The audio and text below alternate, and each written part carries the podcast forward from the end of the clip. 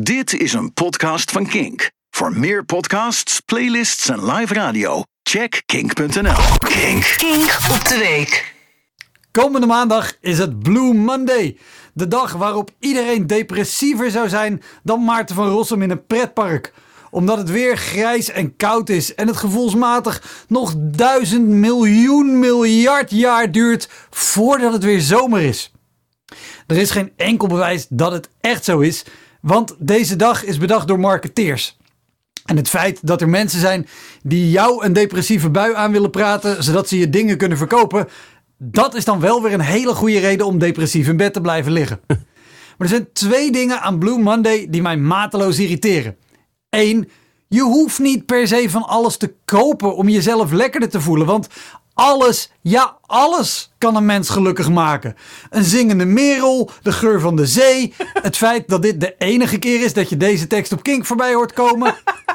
Een ander bewezen middel om jezelf een lekker gevoel te geven is iets goeds doen voor een ander. Ga bijvoorbeeld naar radioring.nl en stem voor de Kinkstart, Tim Oppenbroek en zijn podcast More Than a Feeling. Kijk, en waarom is zo'n radioring nou zo belangrijk? Dat is heel simpel.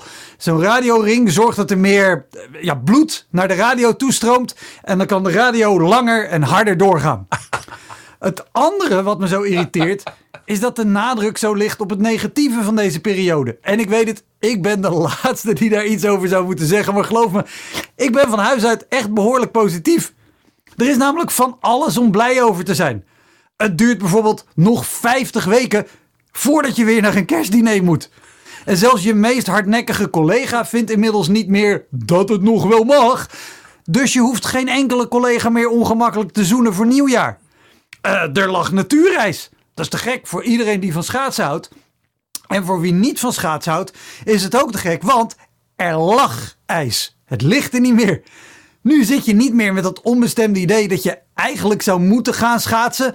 Ook al heb je helemaal geen zin om met ijskoude klauwen en dubbelgeklapte enkels rondjes te rijden, terwijl de snerpende wind van alle kanten tegelijk komt.